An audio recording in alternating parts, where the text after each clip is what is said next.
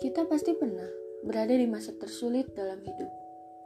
Ya, nggak nutup kemungkinan juga kalau bakal ada yang lebih sulit lagi. Namun, seberat apa pun rotasi waktu yang kita alami, kita harus ingat kalau kita nggak sendiri.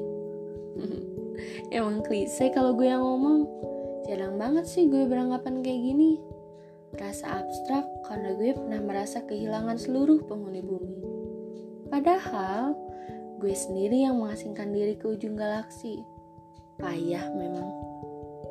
Mungkin itu semua karena gue tuh merasa terlalu lelah. Terus menawarkan cerita tentang apa yang gue rasa pada orang-orang yang sebenarnya peduli aja enggak. Atau mungkin mereka yang sekedar iba, berbelasungkawa atas nama duka, bukan proses penghancurannya.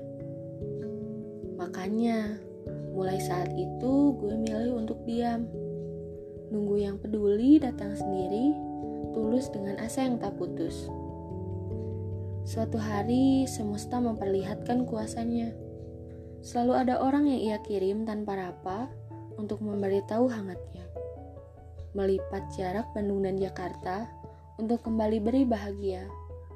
Satu sosok dalam dua versi itu berhasil untuk menghalau segala seduh satu sosok dua versi.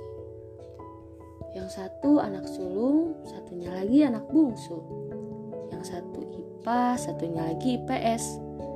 Yang satu senang sepi, satunya lagi dewa keramaian. Satunya suka teh, satunya lagi mania kopi.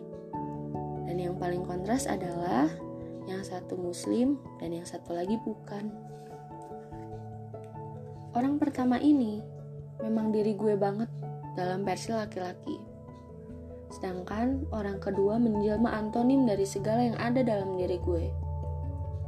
Satu sosok dua versi. Kedua anak ibu kata itu berhasil membangunkan mimpi yang telah lama mati.